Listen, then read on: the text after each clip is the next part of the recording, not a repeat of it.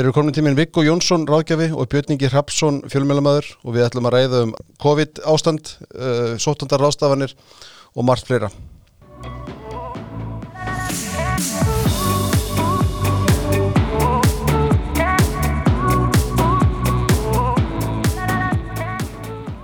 Verið velkomnir bóðið til Viggo Björningi. Takk, takk fyrir.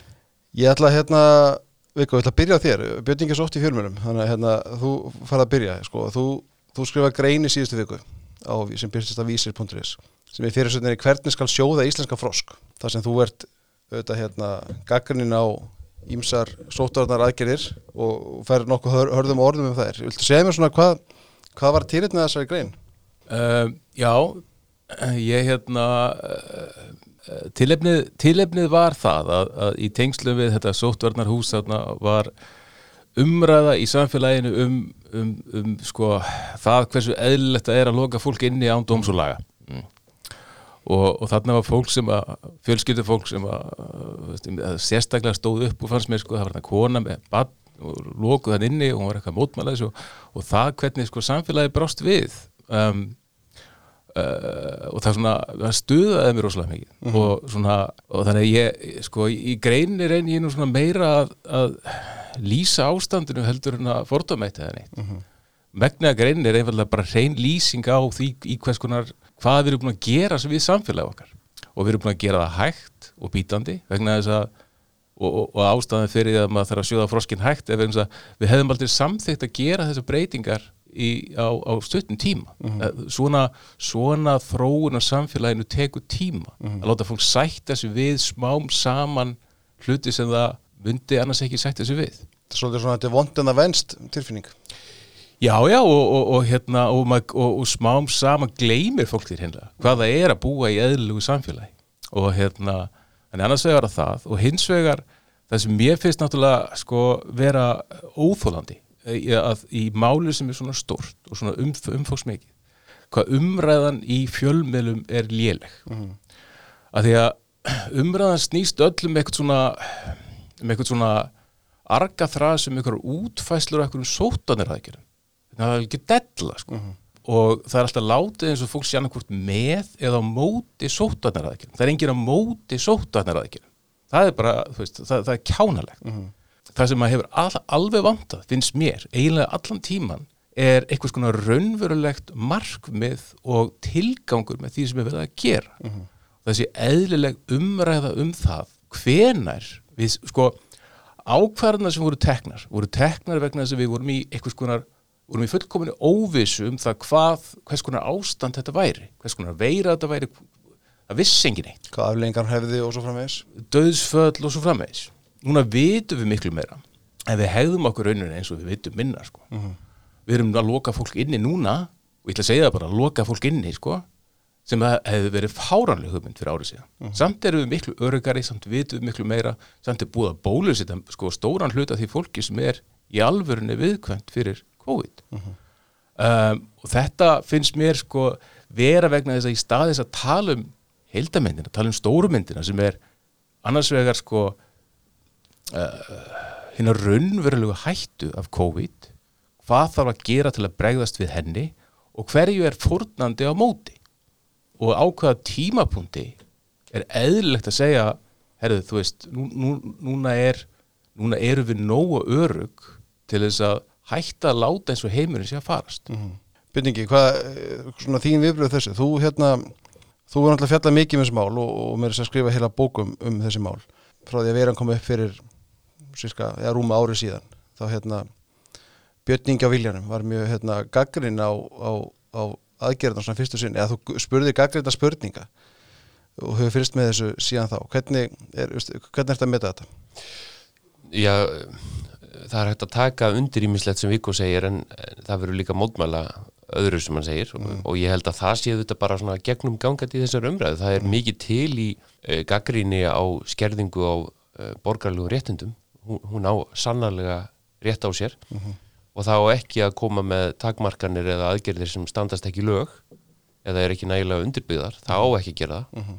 og alls ekki í, frjáls Eh, frjálslindu líðræði samfélagi, þá bara á mm. ekki gerast og uh, hins vegar eh, finnst mér Viggo svona tala svolítið á þeim nótum sem að ímsir freistast til þess að gera með þeim hætti að þessi veira sé eitthvað val og hún sé nú bara svona og við þurfum að lifa með henni svolítið eins og ímsir hafa lagt til að það væri eins og einhver tala væri ásættanleg þegar kæmi að innlögnum á landsbítalan, veikindum eða smiti og, og þá gæti samfélagið samt haldið áfram nokkurn veginn að, fungera.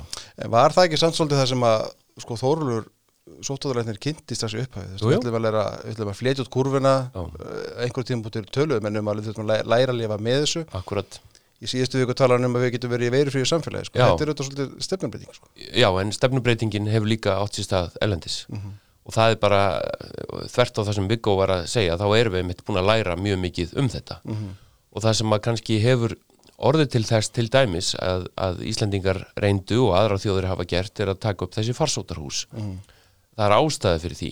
Það eru komin ný afbreyð þessari veiru sem eru meira smittandi og leggjast líka á, á yngra fólk og, og börn og, hérna, og það er ástæðan fyrir því að menn er að leggja til harðari aðgerðir á, á landamærunum mm Fórseti Íslands var nú bara benda á það um daginn að, að hann á náttúrulega kanadíska tengdafjölskyldu sem þau hafi ekki séð frá því fyrir faraldur og það, það er enginn sem að færi að fara inn í Kanada hvort sem hann er bólusettur eða, eða ekki nema að fara í 14. á sótkví og fyrstu mm. þrýr sólarningarnir er á sótvarnar hóteli á eigin kostnað.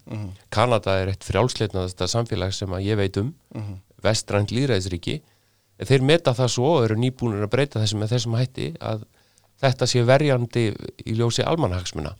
Á hinn bógin er algjörlega rétt sem Viggo segir og við megum aldrei gleyma. Það er að það er mikið til í þessu sem hann segir um froskin og ég uh, reyka þetta í, í bókinni af því við erum svo fljóta að gleyma og það er hárétt sem hann segir Eh, fyrir árið síðan að rúmið þá er sett í fyrsta sinni líðveldisögunni samkomu bann sem að auðvitað yngum okkur hefur dottið í huga, er þið nokk tíma gert. Svandís Svávarsdóttir var að kynna ríkistjórn núna í morgun 64. reglugerðina sem er breytingar á þessu fyrirbæri sem er samkomu bann. Takmarkanir annarkvort uh, verið að auka frjálsræðið eða takmarka aftur og á bara einu ári þá erum við semst búin að upplifa alls konar skerðingu á okkar borgarlegu réttundum sem okkur hefði þótt algjörlega frá, fráleitt. En það er ástæði fyrir því og uh, það er heimsfaraldur í gangi og síðan getum við algjörlega rifist um endalust hvað á að gera, hvernig á að gera, hvort er nóg að gert eða of lítið. Og þið þekki það í umræðinu að fólk er mjög uh, mismunandi skoðunar. En má vera mismöndu skoðanar þú veist og það sem er óttast í þessu er að í staðan fyrir að ná einhverju hjarð ónæmi sko þá erum við komin út í hjarð hegðun Já, og, sko- það, og sko ég, ég ætla að fá að spila ég ætla að fá að grípa fram í fyrir ég ætla að fá að spila hérna bút úr, úr viðtali sem að þú tókst við hérna Þórólf og Kára núna fyrir helgi. Það sem er, neða það sem Þórólf er að fjalla um þetta er bara í byrjun viðtalsins er að fjalla um uh, gaggrinni á aðgerir og svona við tökum þessu umræð áfram eftir þetta. Eh, þess vegna er það kannski svolítið ágefni að svona þessi, þessi, þessi órói sem að verður var við eh, bæði kannski í pólitíkinni og, og leik, líka eins í fjölmiðlunum sko, fjölmiðla menn eru daldið órulegir og menn eru svona að spila á einhverja strengi sem að, sem að ég svo sem átta mikið, mikið á en ég reynir nú að leiða það eins hjá mér eins og ég get sko. Því að það er svona æra óstöðan svolítið en, en það er vissulega svolítið eh, svona óróleiki í gangi sem að, sem að ég vona mun ekki koma niður á svona nöðsynlegum aðgerðum núna á næstunum þar til að við náum uh, góðu hjarðónæmi með bólusetningum og getum farið sko, að svona. hvaða strengi eru fjölmennum minn að spila á sem er með ekki spila á? Ég held að það sé ekki að segja að eh, þeir megið það ekki. Sko, ég held að ef þið bara fylgjast með umræðinni og sk- skoðum svo skoðanakannir sem voru byrtar meðal hans í gær. Félagsvísundastofnun er að mæla vilja þjóðarinnar í þessum efnum daglega núna og, og fylgjast með þessum mengi. Það er alveg hægt að komast að þeirri niðurstöðu að fjölmiðlar gefi uh, þeim allt og mikið plás sem eru ósáttur við aðgerðina núna miða við uh, vilja almennings. En ég er ekki þeirra skoðunar, ég tel nöðsynlegt að þessar rattir heyrist. En kannanir sem að byrtust í gær sína að 80% Íslendinga vil herða aðgerður á landamærum og 2% vilja slaka á. 2% já, það er nánast þess að Sigriður Andersen og Brynjar Níelsson hafi bara svarað bæði og eh, þið skiljið, en með við umræðuna sem við höfum verið að fylgjast með þá mætti halda að það væri 50-50 en er þetta gott Viggo? Hvað, ég, ég kalla þetta hjarðhægðun ég, hérna, það er kannski stórt orð en Ég, hérna, veist að ég veit það ekki. Ég, ég, ég held að sko þú veist, Íslingar hafa einstakt lag á því að eða miklu miklu orku í aukaðatrið sko, staðinendin er svo að COVID er nýveira sem er mjög hættuleg fólki á hverjum aldri og fólki með undirliggjandi sjúkdóma. Fyrir aðra er hún ekki hættuleg. Það er bara þannig. Mm. um, núna erum við með bólusetningaferli í gangi. Um, styttist í það að og, og sko nú er ekki að tala um dagsetningar en það styttist í það á næstum vikum, næstum mánuðum verði búið að bólusetja alla Íslinga yfir 60 og yfir 50 og búið að bólusetja alla Íslendinga sem eru með undirleikjandi sjúkdóma. Þegar það er orðið raun, raunverulegt þá eru þá er sko hættan af COVID fyrir alla aðra fullkomlega sambærilegu hefðbundna, hefðbundna influensu og þannig að þú veist það, við skulum bara stilla því hérna upp öðrum mei á sama tíma eru sko 25.000 íslendingar atvinnuleysir það eru 25.000 heimili þar sem fyrirvinnan er atvinnuleys það er ekki hægt að láta eins og, eins og sko heimurinn snúist bara um eitthvað eitt vandamál. Og ég held að rótin af, af sko þessari ég, undarlegt að hlusta á menn tala sem að þykjast að bera eitthvað ábyrð og, og eru svona að hafa efasendur um að sko kalla sko eðlega gaggrin í fjölmjölum eitthvað, eitthvað háa, bara mjög undarlegt. Sko, sótvarnar yfirvöld bera enga ábyrð á neinu öðru heldur en COVID. Samfélagið snýst um mjög margt annað heldur en COVID. Og það er ekki eðlilegt að halda áfram að spurja ókjörna embættismenn með mjög þröngt starfsvið um það hvað sér rétt að gera því að þeir augljóslega ætla ekki að bera neina ábyrð á neinu öðru heldur en nákvæmlega því sem þeir eiga að bera ábyrð á. Um, og þú sást þetta gerast núna bara, þetta byrstist svo augljóslega í umræðinni í vikunni. Uh, fólk saði, það verður að vera eitthvað plan það verður að vera eitthvað áætlun það verður að vera eitthvað markmið og eitthvað tilgangur með því sem við erum að gera.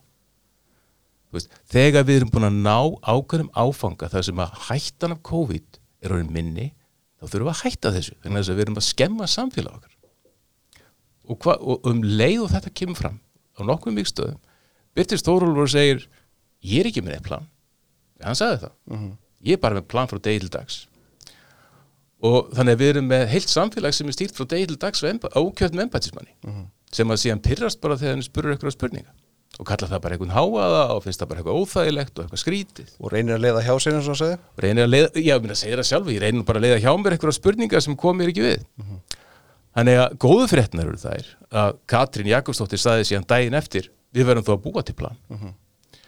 Og ég held að sé sko algjört lámark að sko í, á hverjum einasta degi af því yfirðist er, er, er þuðlega hér upp hversu margir er, eru, eru með eitthvað smitt um, það væri ágætt ef að stæði eitthvað maður við hliðin á Þóról hverjum degi og myndi þylja upp hversu margir eru atvinnuleysir þann dag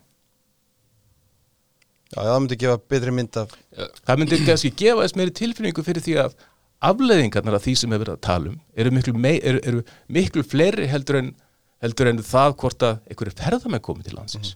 Það snýst bara um það að, að sko veist, það eru, hérna- tök þúsundi manna sem get ekki plana framtíð sína byrningi ég sé að þú yðar í stólnum. Nei, ég meina, eh, þú veist, það er bara svo marga rángfærslu sem koma að það fram að, að þegar að menn sem ég vissi ekki að væri stjórnmálmenn byrja á því að segja tölum um staðrendir og, og koma svo með hluti sem er ekki réttir. Það er svolítið erfitt að, að sitja undir því. Hér, hér kom bara fram að COVID bitni bara á fólki á tilteknum aldri. eh, eða með tilteknum undirleikja Já, sko, tölfræðin, minna, jú, jú, fólk, fólk, Nei, ég meina, fólk það- á það er öllum aldrei bara er að ekki- veikjast Já, en- það er- ég sagði ekki bara ég sagði, ég sagði ekki bara. Nei. ég sagði þið væri fullkomlega sambarileg við hefðbundina Já, en influensu það er bara ekki rétt. Það, er það bara víst. Nei, það er bara ekki Jú, rétt. jú. Nei, nei, það, það, er bara, er það er bara ekki rétt. Uh, þegar að, að hérna uh, ný, uh, þessi nýju afbreyði til dæmis í Noregi uh, hafa uh, leitt af sér veikindi mun yngra fólk sem áður og uh, börn er að smitast miklu meira heldur en áður eins og hefur aldrei komið fram. Og fjölmjölar hafa verið uppfullur af viðtölum við yngra fólk sem hefur veikst kannski ekki endilega mjög illa en glýmur með mjög erfið langtíma einkenni eftir þetta. Og það er gjörsamlega búið að stúta samanburði í alþjóðlegur umræðu við það að þetta sé eins og hefðbundin influensa eins og sumir reyndu að gera fyrst. Ég sagði ekki að það væri eins og hefðbundir influensa, ég sagði að þú væri búin að bólusetja fólk yfir, yfir 50 Já, og það er heldur ekki rétt. það er heldur ekki það, rétt. það, er það bara víst. Nei, það er heldur ekki rétt að það sé búið að bólusetja stóran hópa Þegar, við- þegar þú ert búin að Já, já, ég heyrði bara hvað það sem þú sagðir. Þannig að leiðu mér að bregðast við núna og þú eh, bregst á við og eftir Staðrendin er svo að það er búið að bólusetja 8% þjóðarinn fullri bólusetningu. Og við erum, uh, sorry að segja það við erum allt niður um okkur að mínum mati í bólusetningunni.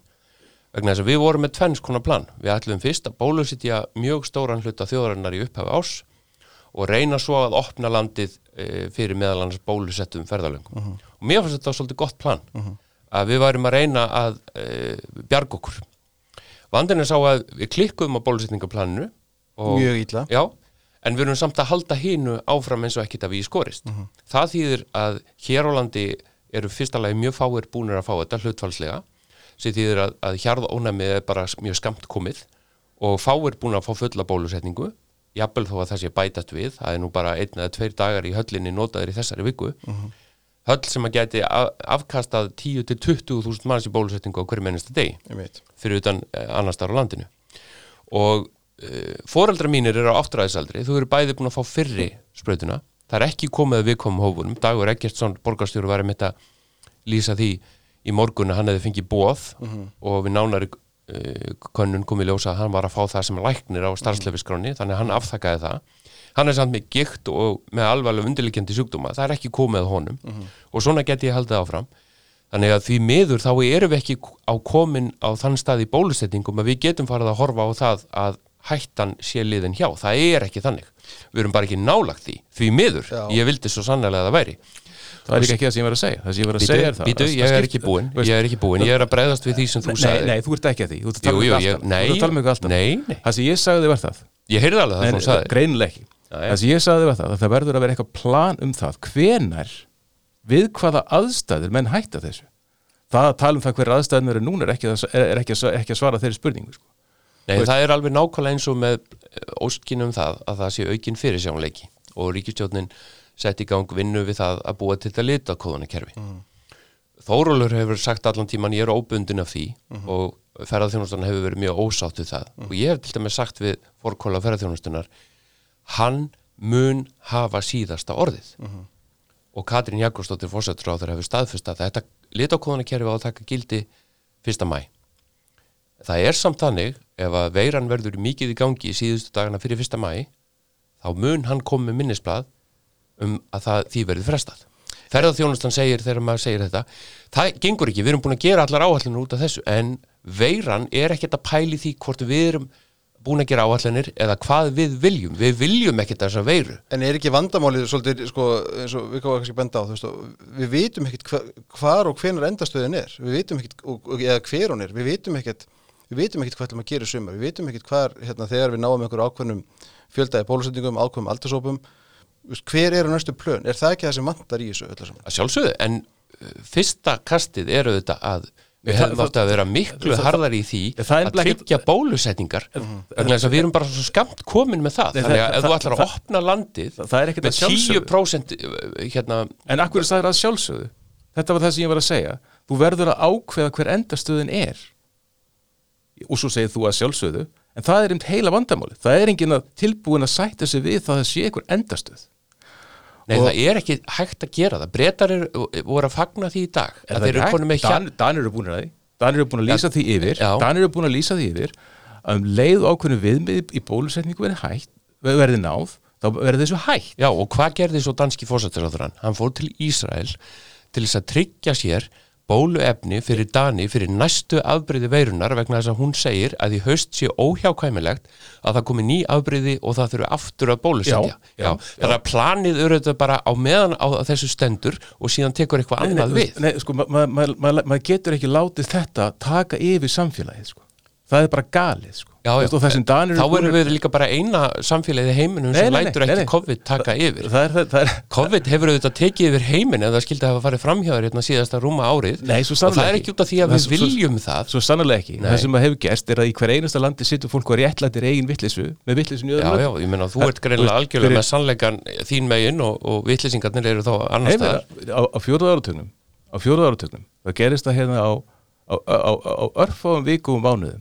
að, lönd heims lokuða milliríkja viðskipti hvert á annað.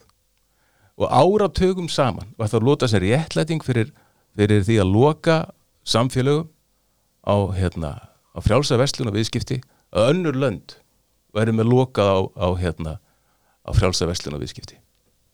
Uh, veist, og allt þetta talum sko, að ímynda sér það að maður geti búið í ykkur að maður geti loka sig af frá, frá umheiminum eins og einhver sníl það, það er bara svo aumt.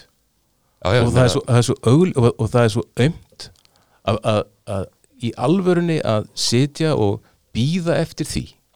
Dag eftir dag, vik eftir viku og hafa ekkert plan og eng, eng, ekki einu svona tilraun til þess að gera plan um það hvernig menn komast út úr þessu sjúka ástandi.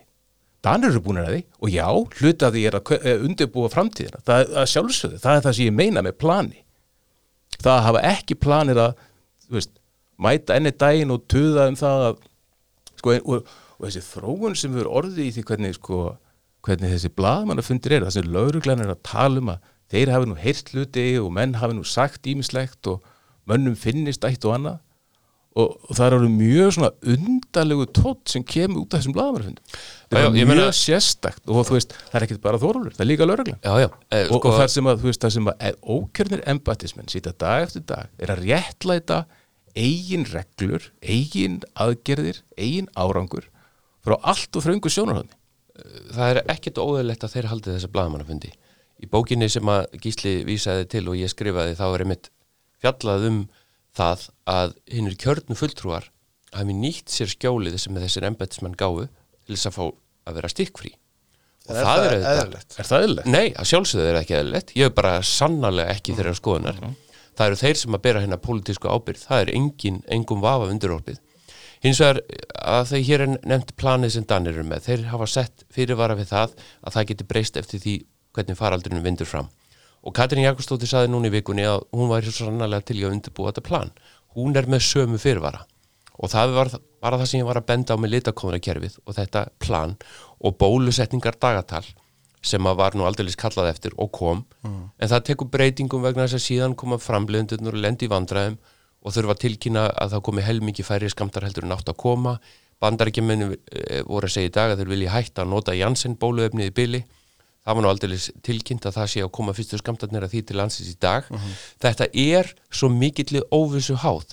Og það sem mér finnst svolítið vanta í þessu umræðu hér hjá sessunaut mínum, ég hafði ágætt sem að mér finnst að taka þessu umræðu og ég kvarta alls ekki yfir henn, hún er algjörlega sjálfsögð það er það að það er eins og við myndum útrýma atvinnlausinu með að takast einhvern veginn öðru sig á við þetta. Það var að byrtast grein hjá uh, Center of Economic Research í Európu eftir mjög mikilsverta hagfræðinga sem benda bara á að þau lönd þar sem aðgerðirnar hafa verið harkalegar Ástralja, Nýja Sjáland, Ísland og fleiri lönd nefndar gengur efnahagurinn innanlands miklu betur. Það er ekki hægt að velja heilsu eða efnahag, það er ekki hægt við þessar aðstæður, segja þeir. Þetta eru hægri menn, ekki vinstri menn. Þeir segja bara að svona er þetta og þú reynir bara að gera besta úr ómögulegur stöð, það vill enginn þessa veiru, við vildum öll hafa frjálsræði og þetta væri ekki til staðar. Það er enginn að tala um neitt annað. Og mér finnst stundum eins og þegar Viggo segir hér að það séu 25.000 manns aðtölu hvert, hvert er þá planið? Ættum við að opna landið? Heldur hann þá að fólki fái vinnu? Nei, það er ekki þannig. Muniði hvað gerðist stíðast á haust þegar við lokuðum of seint með tvöfaldri skimun?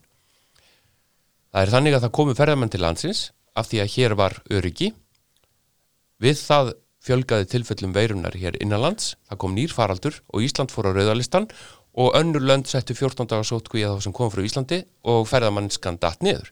Þetta, þetta er allt í samhengi og það er ekki þannig að ef við léttum á öllu núna þá fáum allir vinnu, nei faraldurinn fer á flegi ferð og það verður að bregðast við því.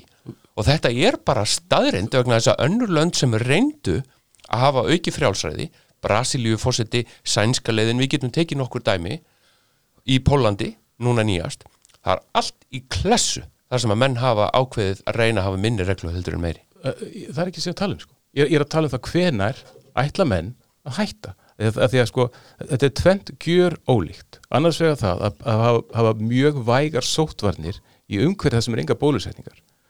Hins vegar, hvenar er bólusetning búin að ná þeim árangri að þetta sé óþarfi? Þetta er, tvent, þetta, er, eins, þetta er bara tvent gjör ólíkt sko. Það að fara að bera saman hva, sko, það að opna landi þegar það búið að bólusetja 60-70% þjóðarinnar með eitthvað ástand sem var hérna í síðastlið haust er, er alltaf bara alveg hött planið er að segja herðu, þú veist, planið er að segja við ætlum að fara aftur í eðlilegt samfélag þegar þessu ástandi líkur það sem ég óttast er að við séum að festa okkur inn í umhverfi þar sem að líf okkar verði varanlega óeðlilegt að ástæði laus það er engin það er engin að tala um það að fórna lífi og hilsu fólks fyrir eitthvað sem að fyrir, í, einhverju stórum stíl. Jú, jú, það það er- það eru margir að tala um það og Þetta- ég get bara fært Nei, heyrðu, ekki segja svona, En- ég get bara fært ok. rauk fyrir því. Er- Sigurður en- Andersen en- en- lagði til hér í síðastliði haust að við myndum ekki hafa tvöfalda skimun. Og það var stopnaður hópur uh, þar sem meðal hans Jóni Ívar Einarsson hérna læknir í Boston sem var nú tölvöld í umræðinu þá, sagði að það veri algjör ástæður ástæðurlaust að hafa tvöfalda skimun. Það er engum vafa undiroppið að þetta var rámt í grundvallaratrum vegna þess að við hefum verið með faraldur hér af st- stórri starðargráðu í allan vetur ef við hefum ekki farið í þessa tvöföldu skimun vegna þess að það eru meirinn 25% á, á þryggja mánuða tímabili sem greindust neikvæðir í fyrir testinu og jákvæðir fimm dögum setna þannig að, að það, það komi ljós að þessi íslenska aðferð virkaði til þess að grípa smittin á landamærunum og við gátum verið með 5 dagar sótkví en ekki 14 daga eins og flestar aðrar þjóðir þannig að þegar þú segir að það er engin að leggja eitthvað til, jú, það var lagt til og sem betur fer var ekki farið eftir því vegna þess að það hefði stemt hilsu landsmanna í voða þannig að ekki segja eitthvað sem er ekki rétt Nei, það sem ég er að segja er að það er engin við þetta borð að leggja það til, skilur. Það sem ég er að segja einfallega er það að sko við erum búin að leggja, gefa frá okkur uh, gríðalega mikil réttindi eins og þú segir sjálfur. Veist, það aldrei verið samkomin bann á Íslandi. Nú þykir það sjálfsæður hlutur. Bara sjálfsæður hlutur sko. Og, og það mótmærið engin og sko veist, Íslingar veist, við, við erum eiga sko, og við höfum svona smá tilhengu til þess að verða svolítið óþarlega hrættu um heiminn. Og hérna og svona ég veit ekki, veirulaust Ísland sko, veist, þetta svona, þetta klingir einhverjum bjöllum sko, við hérna, veist þessum svo fíknefnlaust Ísland árið 2000 sko, að þú veist, við getum einhvern veginn sko, þú veist uh, kó, sko koronavírusanir, þeir fara ekkert. Þeir munu aldrei fara, þeir munu aldrei áfram að stökkbreytast að eilífu, það er þannig það, þeir eru þannig, hvað til þeir ganga niður? Þeir aldrei, já, þeir, þeir ganga ekkert niður, þeir bara, þeir halda bara áfram að eilífu. Já, já, en, en Nei, ég meina þeir gera, þeir gera það. Það er- er- eru sjö- koronavírusa til. Já, ég þekkir sko. það, fjóruð fjóruð þeirra kallast hver. Já, einmitt og þú veist, og þannig að þeir minn ekkert fara neitt. Þeir verða með okkur að eilífu. Og hérna og þannig að veist, við þurfum að læra að lifa með því og, og, og, ástandið sem við erum í núna er ekki að lifa með því. Að við, þurfum að sætta okkur við það á ákveðin tímapunkti að þeir eru ákveðin ógn í samfélagin og við þurfum að lifa með þeirri ógn eins og, eins og við lifum með öllum öðrum ógnum. Ég menna, þú veist núna er eldgós á Reykjanesi og við vitum að þú veist, ef maður lappar um útkverfi Reykjavíkur þá sér maður raun víða sko. En við förum ekkert á límingunum og rýmum hafna fyrir það því að við erum rættu við að sprungan farið þangað eða eitthvað. Nei, að við það sé- samt- þó að það sé sko, þú veist, æ, skilur. En við erum samt búin að gera rýmingar áallanir og Já, við gerum tökum- hættumat og, Já, og svo og Páll Einarsson jarfræðingur segir að það sé nú hann benti nú bara á að það vil- vilji svo til að raunnið sé í gravarolti og Já, sé í árbæ og um sé upp í heiðmörk og það sé að það er af ástæðu og, og beður ykkur um að hugsa um það Já. en það er alveg rétt, við, megum ekki láta það stjórna lífinu Já. ekki á meðan að eldurinn er ekki komin þangað, jarðeldurinn en, en, en sko tilfellið er að uh, líftölfræðingar sem að uh, er nú nánast starfsett sem fólk vissi ekki að væri til hérna þangað til þetta fyrirbæri kemur til sem skipa uh, tölfræði teimi háskólan sem að vinnur þetta lí- líkan. Þeir eru búin að vera að diskutera uh, tölvert það sem að Viggo er að nefna varandi planið, hvenar er no, no til dæmis varandi bólusetningu. Og þá segir Þórólur að við verum að stefna á 70-80% hjarðónami og, og eins og staðan er núna að þá er stemt að því að það sé fyrir þá sem eru 16 ára og eldri. Jóhanna Jakobsdóttir líftölfræðingur sem er í þessu eh, teimi telur að við um að fara niður í mun lægri aldur til þess að ná þessu hjarðónami með þessi nýju afbreyði Þannig að það er ímislegt til því sem Viggo segir að við verðum að hafa planið. Vandinn er sá að vísindamennir eru ennþá að finna út hvað er ásættanlega tala varandi hjarðónumi og í viðtalinu sem þú bentir á gísli áðan, þar sem ég talaði við Kára og Þórólf, að þá eh, beinist umræðan að Breitlandi sem að hafa staðið sér mjög vel í bólusetningum. En stór hluti breytar samt bara komið fyrir skamtinn, það gleymist stundum. Og það sem að þeir segja báðir og vísa til breska heilbyrðisáþurans er að hann er búin að segja breytum að ferðast innanlands í sumar, ekki fara til annar landa.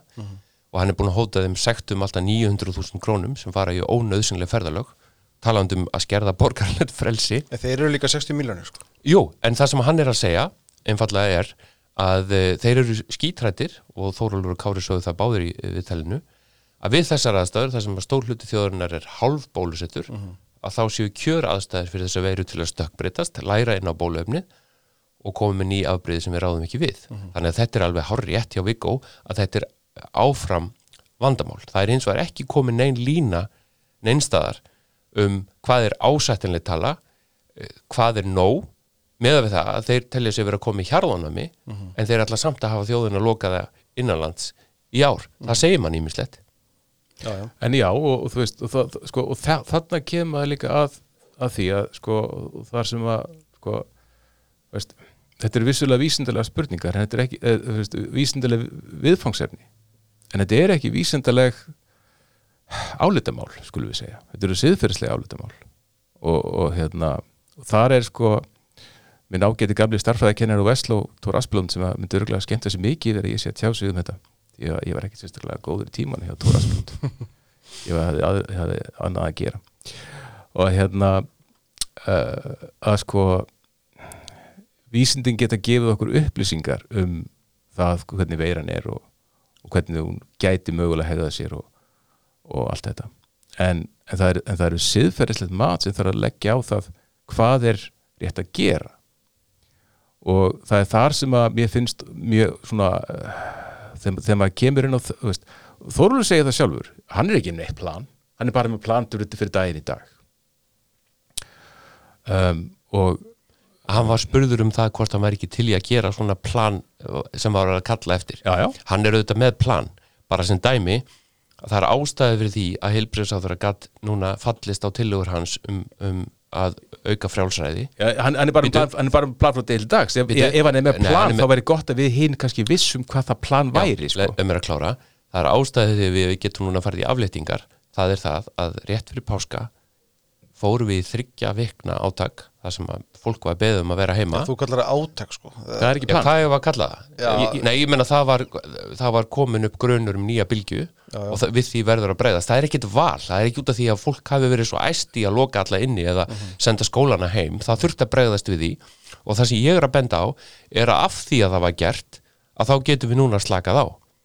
Uh, ef við hefðum ekki farið í þetta plan eða átak eða hvað sem þið viljið kalla það þá hefði faraldurinn verið miklu meiri núna og og við þyrftum að bregðast við því.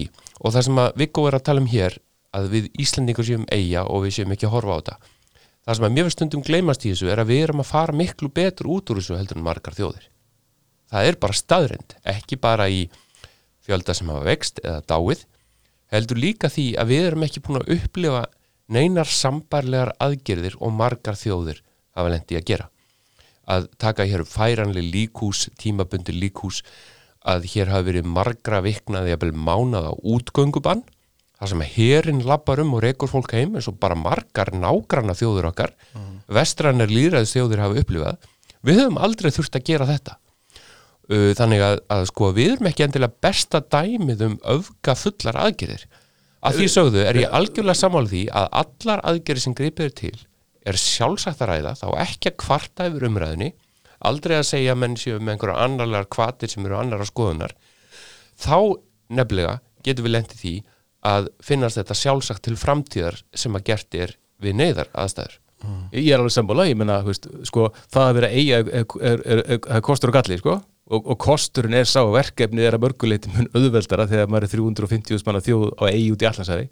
Það er mun auðveldara verkefni heldur en að takast á í Breitlandi eða Bandareikin eða Þískalandi eða hvað það nú er, sko. mikil ósköp, en Nýja Sjáland sem er auðvitað tölvöld starri eða Ástralía Aftur, það er svona auðveldara að stoppa. mi eru með miklu harðari aðgerðir heldur Já, en við til dæmis á landamærunum Já. þar er gífulega ánægja innanlands með stjórnvöld sko Nýja vitið er líka fjóra miljónir sko og túrismin þar er til dæmis sko 40% innanlandstúrismi Jú, þetta er- er allt, eh, ég skil það, það er að hagtölur sko en vandinn er sá að túrismin er ekkit í gangi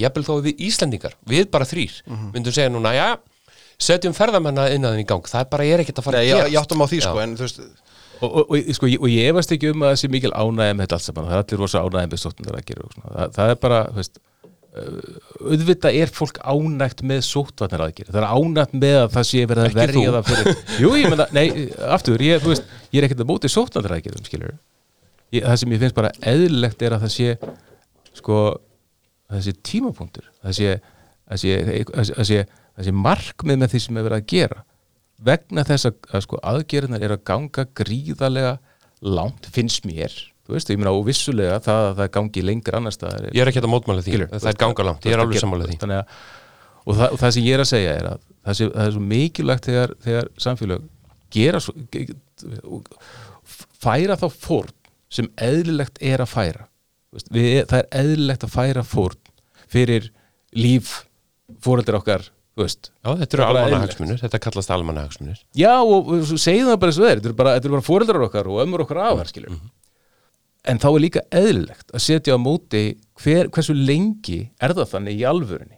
Og hvenær er maður að sko svona tromma upp hræðslu af óþörf? Og það er þar sem að svona fjarlæga eigin verður svolítið svona einmanna En Viggo, það, það er engin sko sammála um uh, hver punkturinn er í því. Ég, meni, ég skil það sem þú ert að segja. Mm -hmm. Vandinn er sá að uh, af því að veiran hefur ekki geisað þetta mjög mikið, þá höfum við ekki séð mjög mikið að dæmum um yngra fólk sem veikist. Það kemur í stærri samfélagum þar sem að fleiri er að veikjast, bara alveg eins og við, við sjáum núna með aukaverkanir af bóluöfnum. Það, það vita allir að það eru aukaverkanir af alls konar livjum, en þegar allt í hennu 20 miljónir fá lif, þá sjáum við bara aukaverkanirnir í þessum örf og undartöndinga til ljóslifandi fyrir framann okkur af því að, af því að þetta er svo, gert í svo stórum stíl. Og það sem við sjáum núna er það að það sem er að gerast þegar að þessum punkti er náð ef að, að Viggo fengi ósk sína uppræta, uh, uppfylta og við myndum ákveða að þeir sem eru með undirleikið sjúkdóma uh, og eldri en 50 ára hafa verið bólusettir, nú ætlum við að eiga eðlilegt líf. Og, meina, og þetta er alveg valid argument, ég tek það skýrt fram. Vandinn er sá að þá er líklegt að einhverju sem eru undir þessum aldri af því að við slökum á í okkar aðgerðum veikist og jafnvel degi. Uh, sumir segja að það sé eðlulegu fórnarkostnaður og við því sé ekki að gera. Aðrir segja að það hefur verið hægt að koma í vekk fyrir það með því að fara varlega.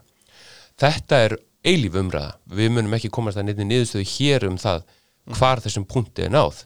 Sérstaklega í ljósi þessara stökkbreyttu afbreyða og í því sambandi vísa ég bara til að hér í fyrir hluta þessa faraldur þá höfðum við nánast engar áhugjur af börnunum sem er breytt uh, og það er auðvitað alveg ómögulegt. Ég meira stór hluti af þeim tilfellum sem greiðst upp á síkastið er í grunnskólum borgarinnar hvort sem að þau eru að smita fóruldrar sína eða fóruldrar til börnin, við vitum það ekki en það er bara staðrind og í dag greinast þrjú uh, tilfelli uh, þó að Viggo sé nú ekki hrifin að því að vera að tala um einstök tilfelli þá er það bara það, þannig. Öll utan hver á mismunandi stöðum í landinu sem bendur auðvitað til að þessi veira er í gangi í samfélaginu Já, en það er sko þú veist eins og sögum á þetta er sifrætli spurning sko. Það er hérna, þetta er kannski spurningar sem mikið spyrja sko en, en það er líka að þú myndist þetta áðan á sko Sigriði og, og Jón Ívar þú veist þú, þú svona gefur í skýna að þetta sé svona, svona eftir á speki þú veist.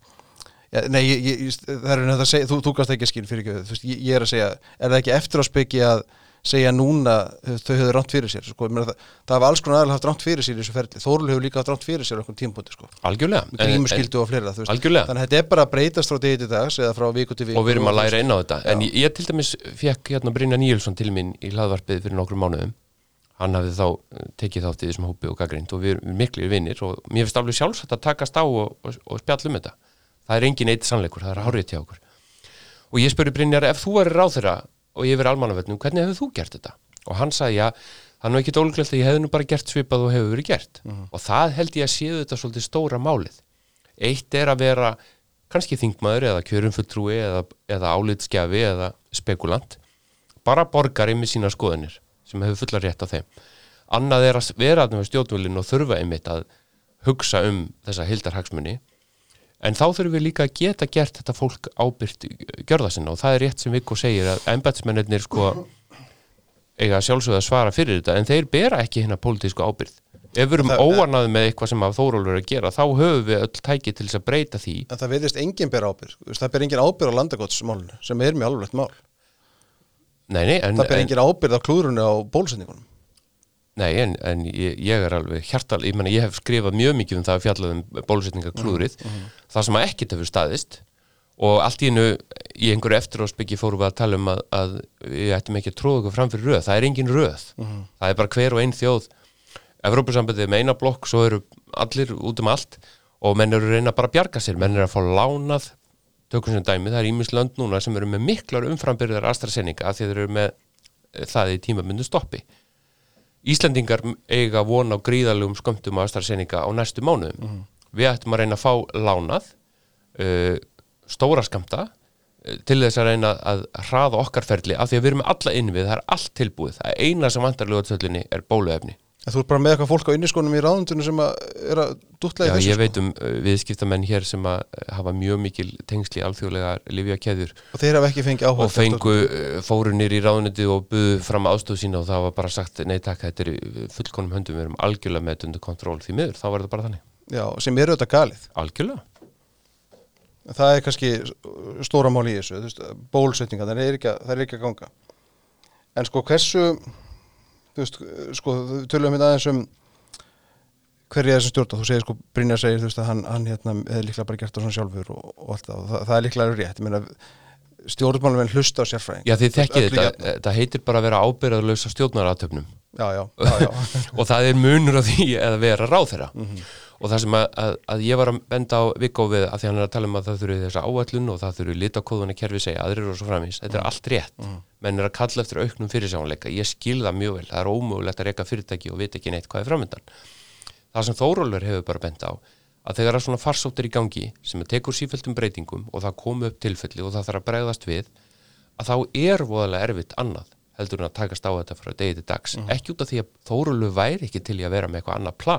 þetta hann er það bara ekki. Og hann meira að segja hefur verið samkomin sjálfum sér þegar ég hefur verið að spyrja um þessar bólusetningar. Hann hefur sagt ég hef spurt, "Eh, heldur þetta plan gangi eftir? Og hann segi, nei, ég er ekkit viss um það. Og hann hafði alveg rétt fyrir sér. Mm. hann, var að, hann var ekki að hugsa um kostningarnar hann var bara að hugsa um skamtana sem hann vissi að væri á leiðinni til landsins.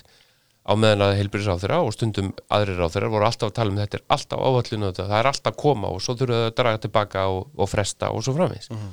Og það er að koma kostningar og það er gríðalega áhugavert allt sem að Viggo hefur sagt hér og margir aðrir eh, hvernig verður þetta ofan á? Eh, í viðtalinu sem þú nefndir eh, við Kára þá sagði hann að hann telur að þeim stjórnmálum verðum er hengt sem að hafi verið ósáttur við þetta, lagt annað til, ég veit það ekki. Það, það þarf ekki að vera, kannski meta kjósendur það svo að það sé mikilvægt þessu rödd heyrist.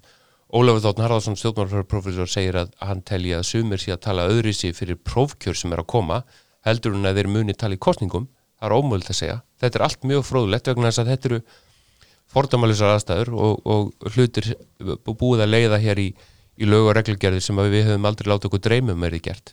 Það er eitt með skrítið í þessu að það er, tökum bara dæmi um, um nú, Áslu Arna uh, Dómsmálaðara kynnti hérna reglugjörðum daginn þar sem að hún vil hleypa inn fólki utan sengen sem er með bólusetningu. Það kom alveg skipt fram. Mm. það er ekki verið að opna landið það er verið að hleypa fólki inn sem er með bólusetningu við erum að hleypa inn pólverjum, þjóðverjum uh, frökkum, dönum sem eru með bólusetningar innan sengansæðisins hver er munurinn að bólusetnu breyta og bólusetnu þjóðverja e, Þórlur er ekkit útskipt það sko Nei, en e, málið er það í þessu af, og sko fyrir ekki framhaldsbyggingin er Já.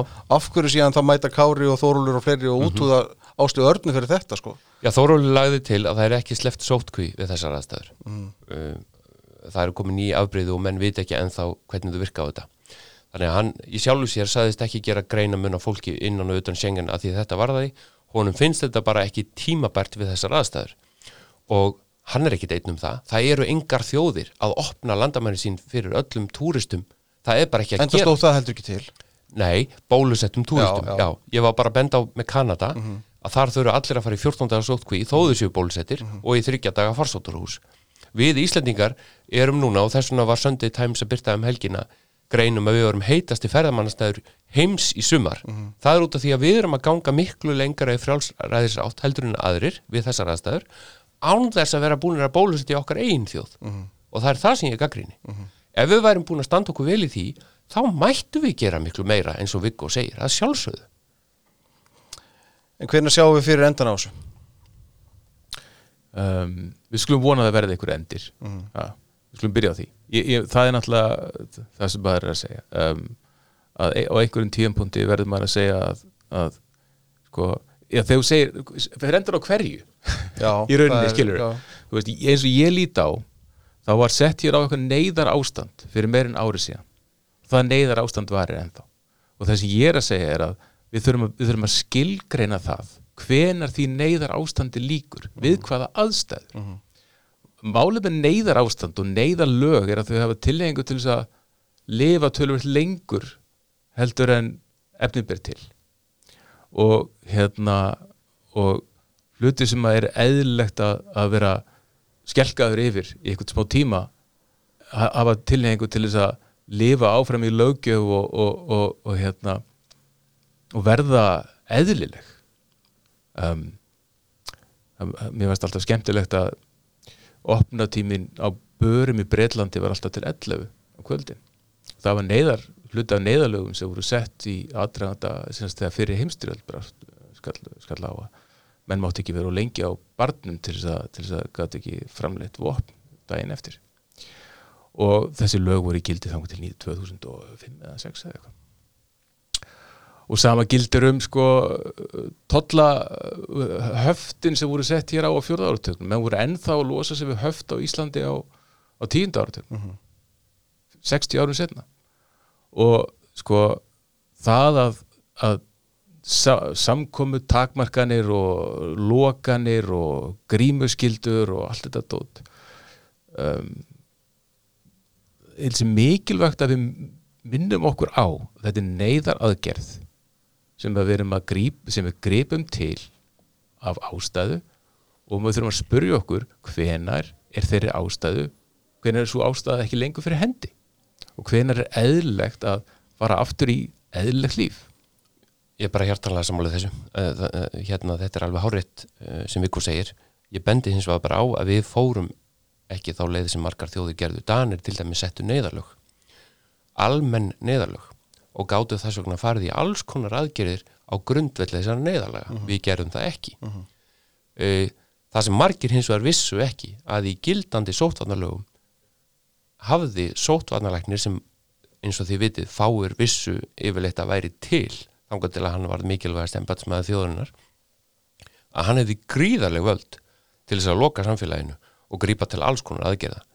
Uh, vegna þess að við höfum bara ekki upplifað slíka hluti. Uh Haraldur Brím kom hér af og til í viðtölu og var kallaður Haraldur Faraldur og talaði um svínaflensu og fleiri sjúkdóma sem okkur fannst meira og minna samt eitthvað í útlöndum. Síðan kemur íslenski sóttvartalæknirinn inn með þessum feikilega krafti eins og við þekkjum og kemur ljós að hefur gríðarlega miklar laga heimildir til þess að gera hluti. Vegna þess í lögunum segir að hann er að senda minnulblöð til ráþurra og eins og þið vitið að þá hefur nú ráþurran oftast bara og ríkistjóðin samþýtt hans tilur með einhverjum örfáum kannski litlum breytingum. En í öru lagi segir í lögunum um sóttvartalækni eða, eða farsóttarvarnir að, að sóttvartalæknir hefur heimil til þess að láta aðgerðirnar taka gildi strax jafnvel þó að það náist ekki ráþurann og hann ræður á endanum. Þetta er mjög magnað. Og þetta er út af því að þetta er gert til þess að bregðast við neyðarástandi. Ég er sammálað því núna að það er ekki neyðarástand við verðum að fara varlega og Þórólu benda á núna í hátegisvetunum ánum komum hingað að vonandi eh, séu þessi þrjú tilfelli sem greinast í dag ekki eitthvað sem er að breyðast út vegna þess að þá kann hann að þurfa að afturkalla e, það er hérna heimildir til frekari aktivitet sem var verið að kynna í ríkistjóðunni í morgun. Þannig að við erum alltaf því miður að bregðast við frá degi til dags. Jafnvel þó að, að ég er vissum að Þórólu væri til í að gera þryggja mánuða plön eða sex mánuða plön en það er ekkit vit í því ef að hlutinir er að breytast frá degi til dags og við erum að flytja inn veiruna þar þau ekki unna landamærin kannski bara rétt í lokin sko, hann talaði um í síðustu viku mögulegt veirulust samfélag er það, er það raunheft? Menn, er, það, er, er, þetta ekki eitthvað tálsýn að vera með veirulust samfélag? Hvað þýðir það? Ég meina, og, og flesti spyrja sig bara, veist, verða brúköp, ámælarsvislur í sumar, verði þjóðutíð hvað er að fara að gera í sumar? Sko? Þetta, þetta er mjög góð spurning þetta, sko. þetta er mjög góð spurning og þessar hagfræðingar sem ég nefndi þeir tala um einmitt að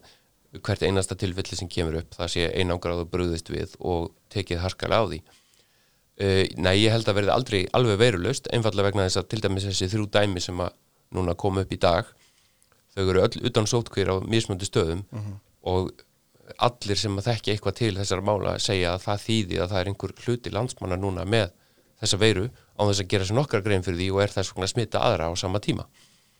Uh, því færri því betra og uh, að það sé bröðist harkalega við í hvert skipti til þess að skjóta þetta niður uh, vegna þess að þau lönd sem reyndu að lifa með veirunni og sætta sig við að ákveðin fjöldi uh, væri veikur og þau hafa lent illa í því vegna þess að áðun að þau fatta það eru þau komin í stöðu sem er ríkala erfitt að eiga við vegna þess að vísindamenn hafa sagt að þú ert alltaf 2-3 vikum og eftir í rauntíma.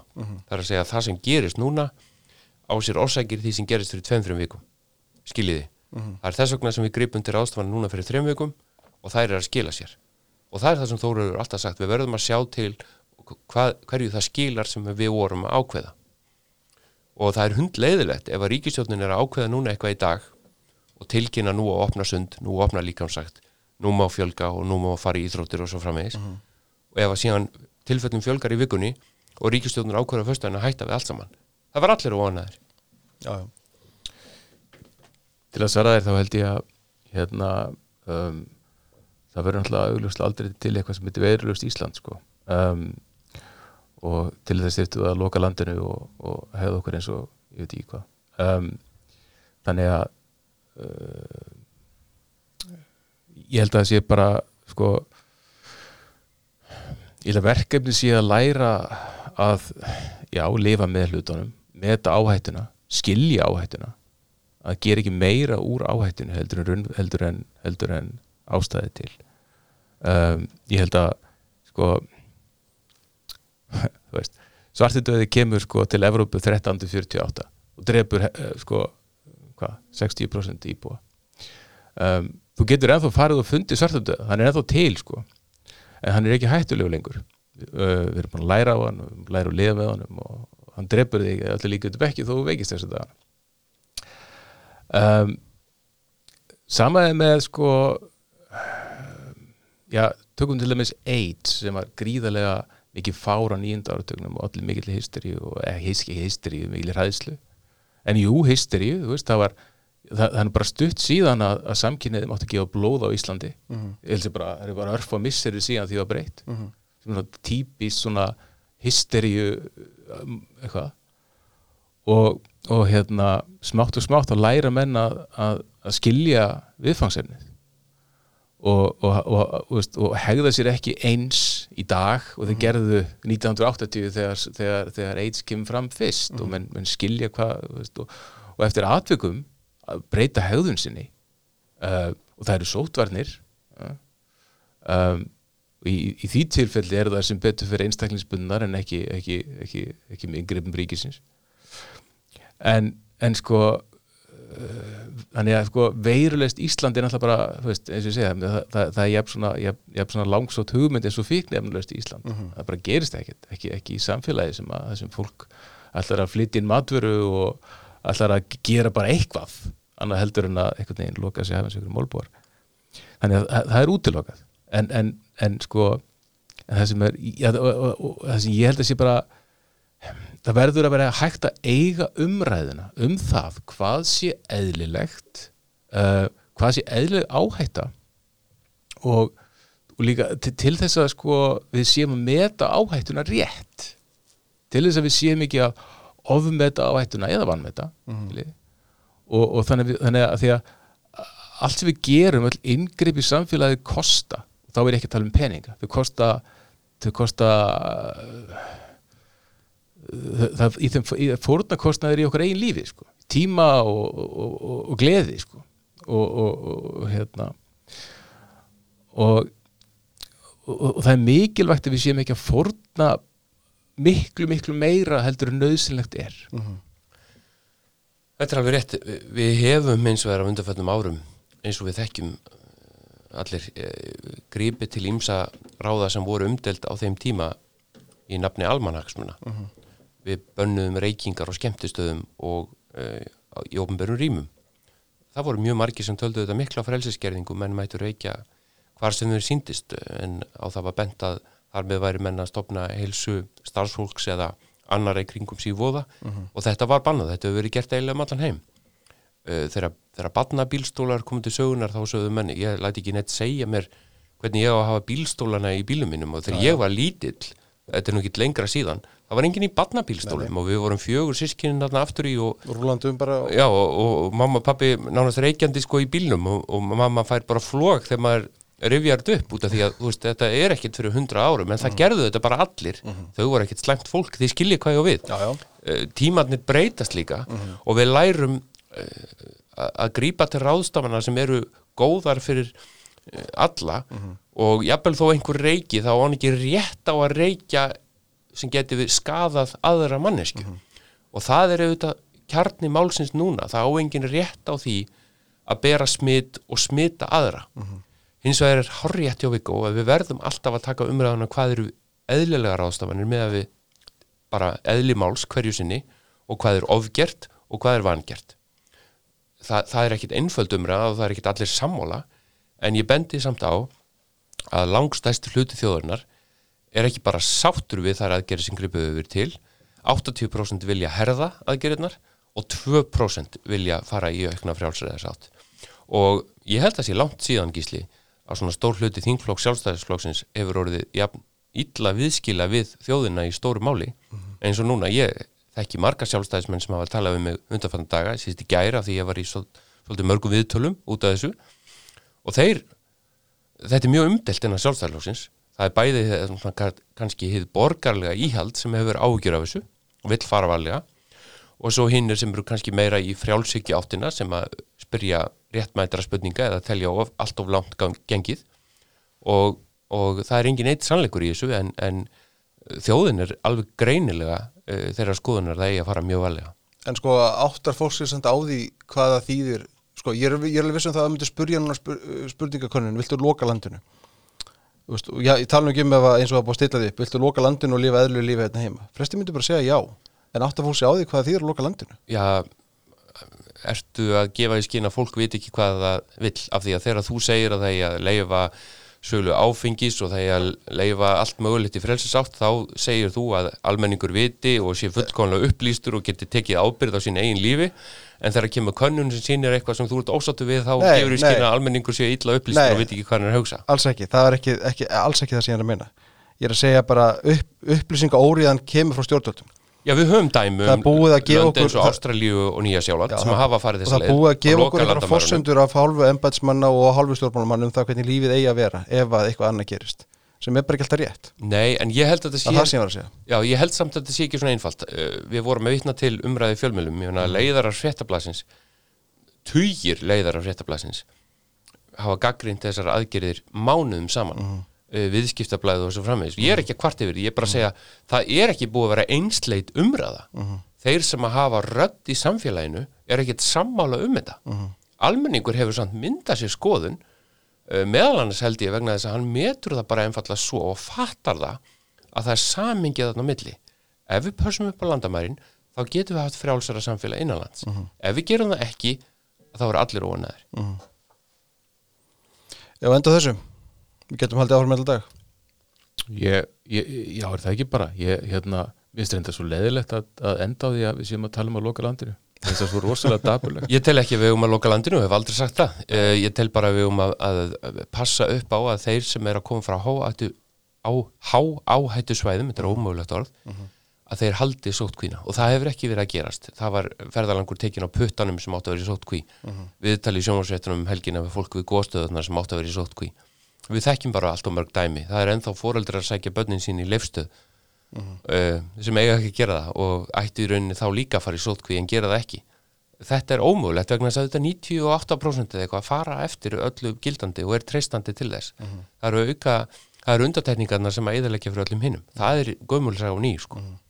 Já, já, það er rétt, mér að flestir flestir nú bara tekið á sig að hlýða við þið eins og hérna, norðið vinsæltina sko, en, en, en, það, en það er ekki allir sem gerða það endilega Nei, nei, og það er minni stemning fyrir því að náður og það er eðlilegt, þetta er búið að dragast á langin og, og fólk eru þreytt, það er ekkit skrítið. Ég er sjálfur en hundleiður á þessu og auðvitað bara kvíðum að því að, að, að, að þetta haldi áfram. Og ég man alveg, ég var að spyrja Þóróla þessu sko síðasta vor hvað hann teldi að gerðist með haustin og svo fræmis og við vitum alveg hvað hefur gerst sko. Og sem betur fyrir höfu Íslandingar ekki farið jafn ítl út úr því og margar aðrað þjóðir en, en þetta máli er ekkert að leysast í einu vetfangi því miður. Nei og þess þeim er mikilvægur að, að sko umræðar um það fari að verða aðeins breyðari og hérna eins og segja að, að sko þessi fleira sett á á hérna á borðið þegar verið að ræða þessi mál heldur en hvort að einhverju sé að sækja einhvern í leifstöðu eða hvað sko. Já þú veist það eru bara það er bara ómikið að fólki að núti sem að situr og býður einhvern veginn eftir því að eftir því að hérna eftir einhverju sem að hvað skal að segja um, einhverjum endapunkti sem að er stöðut verið að færa frá því sko. og ég held að hérna, ég held að, ég að sé nöðsilegt fyrir, fyrir samfélagið að, að hérna, geta hort til framtíða með svona þeirri fullvissu að menn séu leiðin í einhverja átt komast upp úr því sko sé ekki svona endalus grántákdegi sko sem við erum í hérna. Ég vildi að það veri hægt og, og vona bara að það gerist sem fyrst en á meðan að faraldun geysar um allan heim þá geysar hann í miður. Við tökum þessu umræðum átt og setna Takk okkur kærlega fyrir komuna, það var gaman að fá okkur. Takk fyrir spiltis Takk.